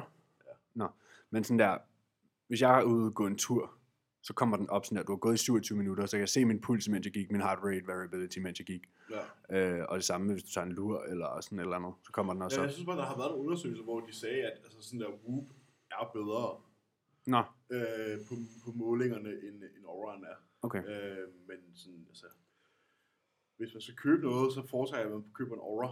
Altså, fordi det er sådan, så har, som du selv siger, så har du købt den. Ja, jeg blev faktisk spurgt af en klient, øh, jeg kan ikke huske, om det var den her uge eller sidste uge, om sådan, fordi vi havde snakket om det her en eller to episoder siden, om det var noget, sådan, der ville gøre forløbet bedre, eller noget, den du var sådan, nej, altså det ændrer jo ikke på, om du træner hårdt, om du spiser din mad, eller noget. Det er jo, hvis du synes, det er sjovt at følge med i, hvis du synes, det er sjovt at kunne se din søvn og sådan nogle ting, altså, Ja så ja, men nej, det er på ingen måde. Man skal også passe på, det ikke det er en luksusvare. Ja. Man skal også passe på, det ikke bliver en stressfaktor, ikke? Ja, man skal virkelig ikke lade det styre ens liv. Og min sleep score var dårlig dag, så kan jeg ikke sove træne. Ja, bullshit. Altså Rolig du ikke, mate. ja, så hvis man i forvejen er, er sådan en, der stiger på vægten en dag og panikker, så er en overring ikke for dig. Nej. Du skal ikke stress over, at du har fået et dårligt deep sleep score. Sådan Nej. Der, så ligger du om aftenen og stresser over det. Ja. Inden du ligger dig til at sove, og sådan, åh oh, nej, og, og så får du dårlig søvn igen. Ja. Undskyld. Nej, jeg har ikke fået dyb søvn i nat, kan jeg Nej, det kan afsløre. Jeg godt, det kan jeg godt se. Der var studenterfest, øh, I baghaven. så der var øh, Boden Anna og Thomas Elmi hele natten. Fedt. Pissefedt, og øh, øh, røde gummibåd, og Ej, kæft, det er klasse. ja, jamen, altså, da, langt størstedelen af tiden, hvor jeg skulle falde i søvn, så var jeg sådan, okay, af alt de kunne spille, Så det der okay. så er det, oh, jeg vil hellere ligge og høre på Thomas Helmi, end jeg vil høre på Flow Rider, eller eller andet Ja, fucking bullshit, Pitbull. Ja, Ja. Ja, nå. Skal, er det proteinspørgsmålene nu? tænker jeg. Let me find them. Åh oh ja, det startede jo med, at jeg fik et spørgsmål i min DM. Jeg, Mm. jeg blev linket et opslag, og blev bedt om, om min holdning til det. Øhm, og det er et opslag med en coach, der har givet en klient et rimelig højt proteinindtag. Øhm, skal jeg prøve at se. Ja, det, i, det hele taget handler det om sådan der, om man skal drive proteinen højere end sådan, du ved, vi går jo lidt ind for det der, sæt protein til, To og en halv. ja, 2, 2,5 i alt, øh, primært. Øhm, jeg plejer at sætte protein på 2 fra direkte, Og så er der trace. og så er der trace oveni. Øhm, hvor det her var sådan 3-4, alt inkluderet, tror jeg så, Mm. men stadig højt. Det vil sige, hvis du var 100 kilo, skulle du spise 300-400 gram protein Mm. i alt. Øhm, og om det er øh, bedre eller ej. Og min holdning til det er, nej, det er det ikke. Mm. Øhm, fordi du, de kalorier er bedre. Altså for det første, sådan, det er meget mere digestive stress. Og man skal, der er jo så mange ting, man skal tage i kontekst også her. Hvad for nogle proteinkilder bliver valgt? Hvor god er fordøjelsen? Hvor højt er det samlede indtag? Altså sådan, Hvem held, og, held og lykke med? Ja, held og lykke med at spise 400 gram protein, hvis du også spiser 800-900 gram carbs og 100 gram fedt ved siden af. Altså held og lykke med det. Sådan, ja, ja, men, men de fleste, altså sådan, ja. det, man skal, der er mange ting at tage i kontekst. Men det er jo sådan, sæt dit protein til, hvad der er behov for. Og så have resten for kulhydrat. Mm. Det er bedre brugt. Altså sådan, det er mere insulin, det er mere glykogen til at træne fra. Mm. Det er et mere anabolsk miljø. Selvfølgelig er proteiner også Nødvendigt. nødvendige øh, og brug for, for EAA. Men min, min holdning til det er, og vores holdning går for, Ja. er, at du, der er ikke nogen More grund til... Nej, og jeg ved, sådan en som Patrick Tour, Han bruger enormt lidt. Det er også sådan der minimum, sådan, du, du skal have nok protein til at restituere, Ja, hans drenge får været 30 gram per servering eller sådan noget. ja, for direkte, ikke? Men så får de jo så også rigtig meget trace, fordi de får rigtig meget mad. Ja. Øhm, men, men ja, det essentielle, de direkte kilder, altså det skal jo bare være nok til at understøtte din træning. Mm. Og man kan sige igen, hvis ting progresser, Så er der ikke noget at lave om. altså sådan, hvis, hvis du restituerer fra din træning, så er du tydeligvis ikke i mangel af protein. Mm. Jeg havde sådan en klient, der faktisk øh, skrev til mig i et check-in her for nylig, sådan, um, han havde regnet sit øh, proteinindtag ud, og det var øh, 15 gram under at være 2 gram per kilo kropsvægt på hans hviledage, som man havde to dage om ugen. Og også var sådan, men Men du har progresset alle dine løft, selvom du ikke kan nå underskud. Ja. Det vil du ikke kunne, hvis du er i proteinmangel. Nej. Så. så. Så, så sådan, og igen, refererer til sidste episode. Tag den roligt. Lad være med at overtænke alting. Altså Ja. sådan, du, ja, du, okay, du skulle have, du vejer 80, dit 2 gram per kilo kropsvægt, 160 for direkte kilder. Du får 145 på din hviledag. Du har to-tre gange om ugen. Altså sådan, Rolig nu. Ja. ja. Jamen, jeg er, jeg er fuldstændig enig. Øhm, men samtidig kan man også sige, at der er også bare noget for de der high protein diets. Du kan se Jordan Peters, Dante Trudell, de har altid kørt enormt høj protein på deres Ja, diæter. Chad Nichols gjorde det med Furet, dengang Furet var på toppen. Altså sådan enormt meget protein mm. per, per kilo kropsvægt, ikke? Og sådan, så der er jo nok merit for begge dele. ja, ja, Øh, fordi i bund og grund, så handler en off-season om bare, at du er oversaturated. Ja. Øh, om det så er protein eller carbs, eller hvad det er, Det er jo så bare, hvad det er. Du skal nok vokse, Mm. men det er for vores synspunkt ikke nødvendigt Nej. at være oversaturated på protein. Nej. Fordi det optager bare for meget. Altså Callum hævde jo mit protein ned i off-season. Vi Ja. startede på 300 protein, Ja. og det blev hævet ned til 250. Også fordi, at jamen, fra et fordøjelsesperspektiv og det ene og det andet, så stresser det bare mere. Altså, Ja. det kræver mere af kroppen, og så kan man sige, jamen i diætfase, Der er måske meget der er med mere satiation og, og sådan nogle ting, ikke? Thermogenic. thermogenic, ja. Altså, der er så mange ting, man kan tage i kontekst. Det er ikke bare at sige, øh, er, er 3 gram protein per kilo kropsvægt bedre end 2 gram? Altså, sådan, der er aldrig noget, der er så simpelt. Der er aldrig et spørgsmål, der være så simpelt at svare på, hvis man tager andre faktorer med i Så ligningen, for- hvilket man For at altid lave en skal. rigtig online coach svar, så kan man sige, It depends. it depends. Ja. Well, det kommer jo an på, om... Øh, Men, sådan- men that's the real answer. Som udgangspunkt, så er jeg sådan 2-2,5 gram. Hvis alting var så sort-hvidt, jamen, så var der jo bare et blueprint. Mm, Her, gør sådan her, så bliver du bodybuilder. Ja. Men sådan er det jo ikke. Folk er jo forskellige. Og folk har forskellige fordøjelsessystemer, folk har forskellige aktivitetsniveauer. Altså, der er så mange ting at tage, tage, tage med i ligningen. med i konteksten, ja. Ja. Så nej, du kan ikke beslutte dig for, men som udgangspunkt, som vi har sagt altid, hvis du vejer 75 kilo, så er det meget nok meget god idé at få 5, 150. 5 gange 30 gram protein om dagen, Ja. og så er dine kulhydrater det fedt ud over det. Ja. Og så er den ikke lige så meget længere. Nope. Og så går vi ellers videre med de her. Hvornår er isolat relevant? Kun på grund af fordøjelse? Er det bedre kvalitet? Og så videre. Ja, isolat er, så vidt jeg ved, lettere for maven. Mm. Øhm, Det er finere. det er finere. Jeg ved ikke, hvad finere betyder i den forstand. Jeg har ikke gjort mig ekspert Det i er, det. nej, jeg tror, det er, fordi det er blevet gennemarbejdet flere gange. Øhm, og så er der jo mindre kulhydrat og mindre fedt i. i. Øh, så man kan sige, at du sparer godsøjne også kalorier på den måde, du kan bruge andre steder. Og så kan man sige, ja, hvis du får 50 gram proteinpulver om dagen, probably not a big deal. Hvis du som mig bruger 200 gram? Ja, så højt er det så ikke. Øhm, I off-season var det. Øh, især da jeg lå på de der 300 gram protein om dagen. Der kunne jeg godt få 150-200 gram whey om dagen. Der ville jeg nok kunne mærke en forskel. Skiftede jeg fra isolat til whey i fordøjelsen. Øhm, men det er også... Altså sådan, hvis du... Nu ved jeg ikke, sådan en som Nutramino, hvis vi tager sådan en som Nutramino, det er også, Ja. ikke, nu er det også en ekstrem, men der er vist sådan der over 10 gram carbs per, per 100 gram. Men det er 20 gram kulhydrat, hvis jeg får 200 gram whey. Det er så også ekstremt, men igen, i en prep phase eller whatever, øh, det er stadig sådan der 30 gram ris, jeg kunne få i stedet for. Mm.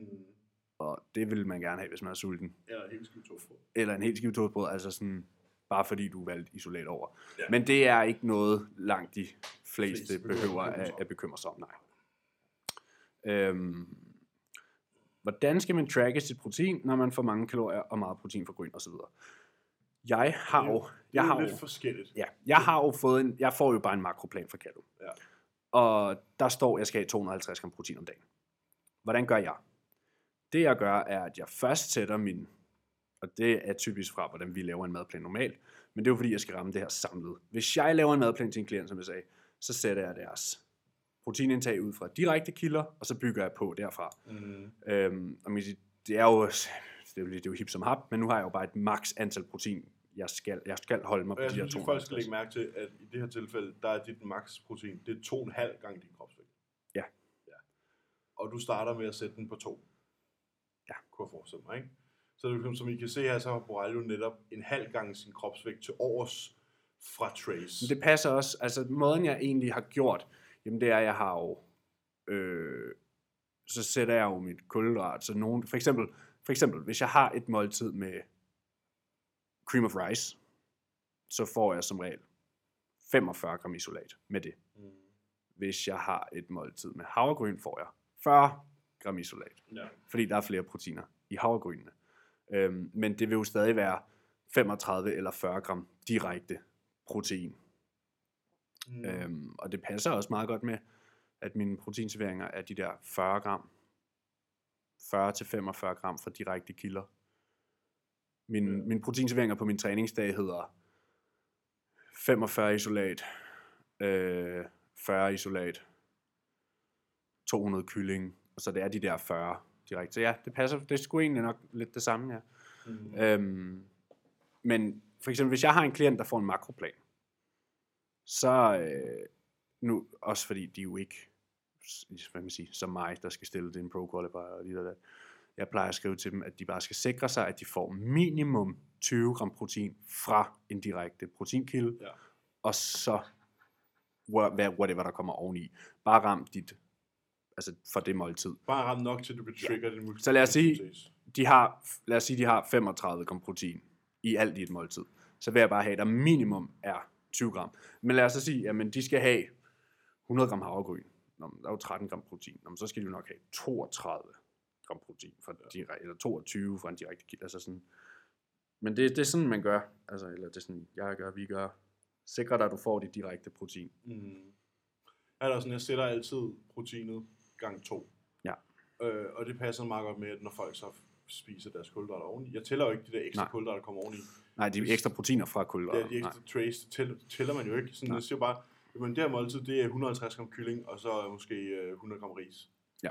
Ja, jamen, så kan det godt være, at der er 6-7 gram protein der, men det er jo ikke, altså, det er jo ikke tælt med. Nej. Det er bare sådan, det er. Ja. Altså sådan, Så det daglige total intake af protein er jo selvfølgelig højere Ja. ja. end det direkte. Det giver jo mening. Øhm, men ja, lad os gå videre. Øhm, kan for meget protein resultere i urenhed i huden? Øh, det er ikke noget, vi har været eksperter på, noget vi lige har undersøgt briefly Ja. her før. altså alting kan jo være for meget. Ja, vi snakkede om det her med don't overdo anything. For det første øh, har der jo været meget snak om, at proteinpulver, nu bliver der jo spurgt, om for meget protein kan resultere i urenhed i huden.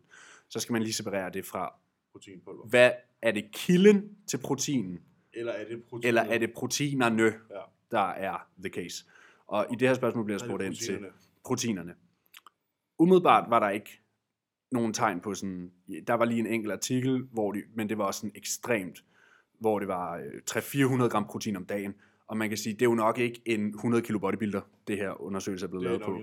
nok en 60-70 kilos almindelig fyr, der kommer ind. Ja, eller pige, whatever. Ja. Ikke? Øhm, og, og der var deres argument, jamen, der kommer ja, dine organer jo på overarbejde, fordi det er jo Mm. unødvendigt meget protein, og det skal jo skilles af med, Med. og hvad, skil, hvad er en af de største måder, kroppen skiller sig af med ting på? Ud gennem huden. Igennem huden. Ja. Ligesom alle andre ting. Mm. Øh, så der var et argument for det der, men ellers er det ikke noget, der rigtig er research på, og hvis du vejer, hvis du ikke er en 120 kilo bodybuilder og spiser 400 gram protein om dagen, så spiser du sgu nok også lidt for meget protein. Ja. så sådan alt med Ja, måde, ikke? Jeg får 350, ikke? og det er inklusiv trace. Ja, og du og er har regnet 130 kilo. Ja, præcis. Og jeg har regnet ud, at jeg får 240 gram i alt. Ja, direkte. Jeg får 6 serveringer af 40 gram protein om dagen, ikke? Ja. Og så er der så trace oveni. Og så er der så 110 gram trace protein, fordi du fucking får 7000 kalorier. Ja, Ja. præcis. 5.872. Men, men, mælk og mælkeprodukter mm-hmm. har en sammenhæng til Valle med har urin. en sammenhæng med Også urin. mælk. Jamen, det er også fordi, proteinet i mælk er også valle. Ja, ja, men det er jo, det er jo, det er jo mælken. Altså, det er Ja, laktosen og vallen ja. Sammen, der Ja. kan give uren hud. Øh, og det er jo, det, det kan godt være, det lyder som noget fra et femina-blad, men den, den, er sgu, altså, den her gang er den sgu god nok. den er god nok, men, men igen, det er jo også genetisk bestemt. Der er ikke nogen, der siger, at du får akne af proteinpulver. Nej. Altså, akne er jo en bakterie. Mm. Øhm, Acne, ja, vulgaris, acne vulgaris, ja, et eller andet den dur. som er en hudsygdom. Ja. Og ja, det er meget med det, at hvis du spiser rigtig meget mad, også kulhydrater, at du får urenhed. Ja, kulhydrater, som er inflammatoriske, Ja. øh, især sådan hurtige kulhydrater. Øhm, så det er ikke, igen, det er ikke et sort-hvidt øh, svar, men for meget protein i sig selv er ikke akne-provokerende. Og derudover så er det også meget, meget genetisk, om man har anlæg for akne eller ej. 100 procent. Jeg har haft akne i mange år. Min hud på øh, ryggen er blevet meget pænere det seneste, siden vi startede med Callum faktisk. Øhm, og det ved jeg ikke rigtig hvorfor. Jeg kan ikke rigtig pinpointe det. Det kan også være alder, fordi jeg havde også, altså jeg havde, helt, altså både min mor og min morfar har haft voldsomt meget akne. Mm. Øhm, jeg fik det også, jeg tror, da jeg ramte sådan der 6. 7. klasse, fik jeg ansigtet, øh, og så blev det egentlig aldrig mere en ansigt, hals, nakke. Og så lige pludselig i 2G, så var helt ryggen dækket. Ja. Der var helt ryggen dækket. Det kom bare, da jeg, den sommer, jeg blev 18, lige pludselig havde jeg bare bums over det hele på ryggen. Mm. Og så havde jeg det i et, Og- to år, og så og man gik kan det også væk. tale for, at der er jo helt helt klart noget at sige for sådan der hormonelle påvirkninger i forhold til akne i teenagealderen. Ja, Øh, og jeg er, jo så, jeg er så kommet ud på den anden side nu, og det er Mhm. du også selv.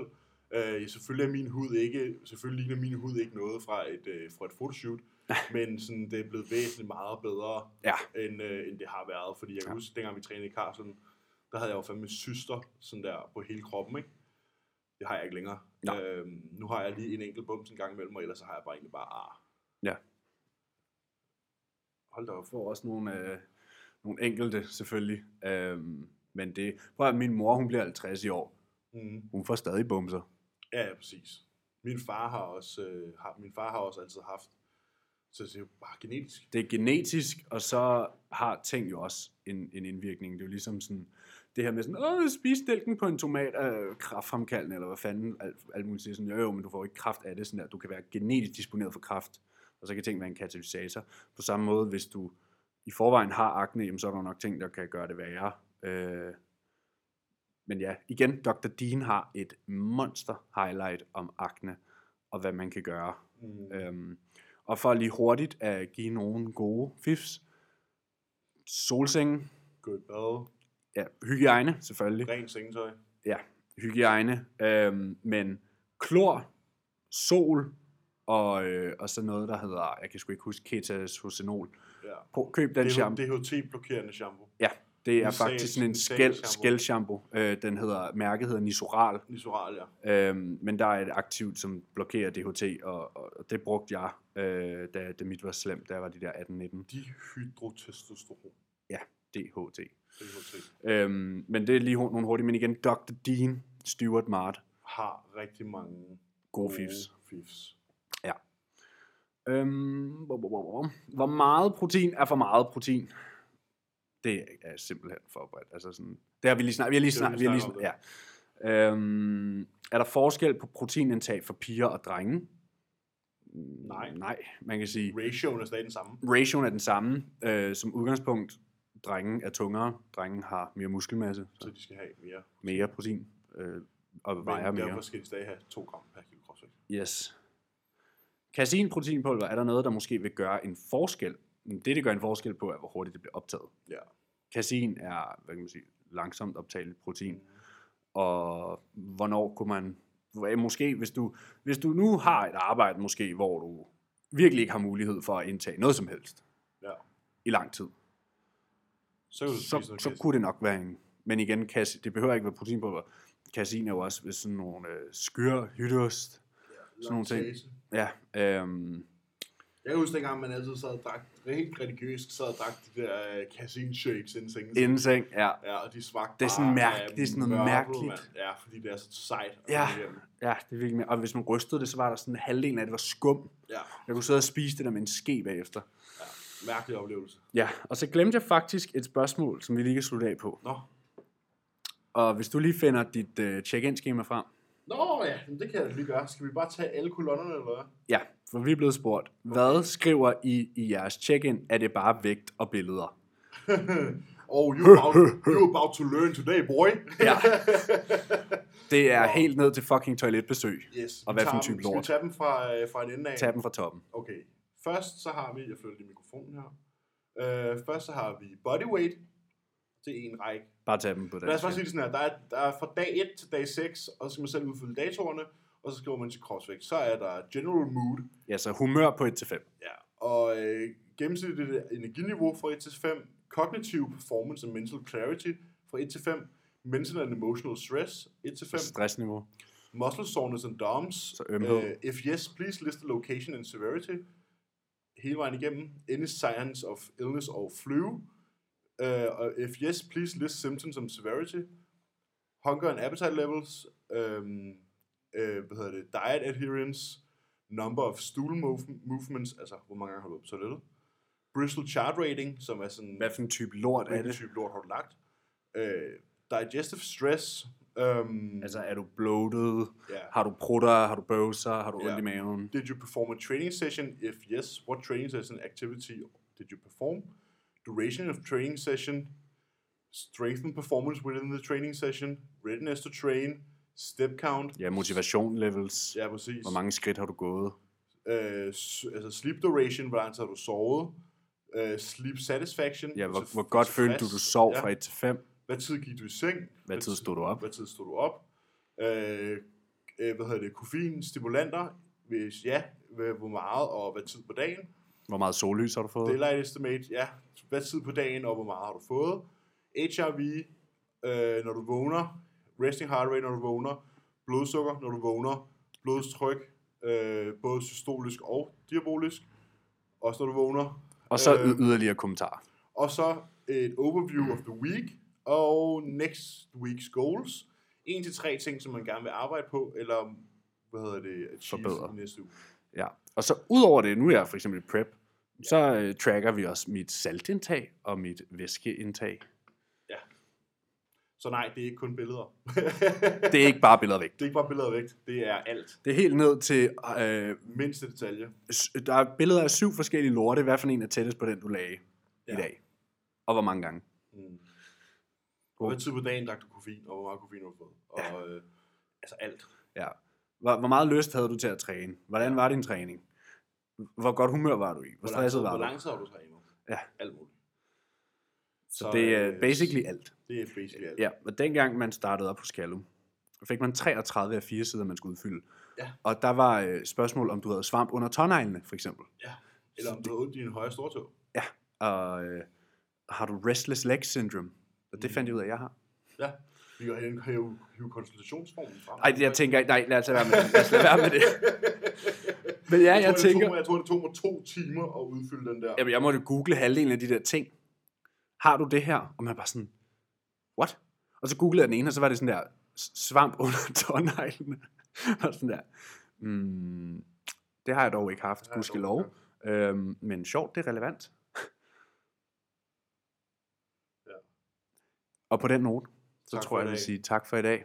Og øh, hvad, var det episode 88, det her? Det var episode 88. Nå, men så har vi jo en i næste uge. episode, og så har vi en gæst i halvanden uge tid. Ja, så næste uge, der er jeg flyttet, og 10 uger ude. Og, Og en uge før jeg til Malaga. ja. Der sker nogle vilde... Vent, så er du jo i Malaga, når vi har gæst på, fanden. Nej, jeg har sgu da ikke. Vi har jo gæster Hvis, på hvis onsdagen. næste weekend er en uge Vi har før gæst på onsdagen. onsdagen, okay. Jeg har sørget for, at det var mellem den 5. og den 9. vi har gæst på. Så det har jeg klart. Godt, godt. Som så Ja. Vi ses næste uge. Vi ses, ha' det Hej. godt.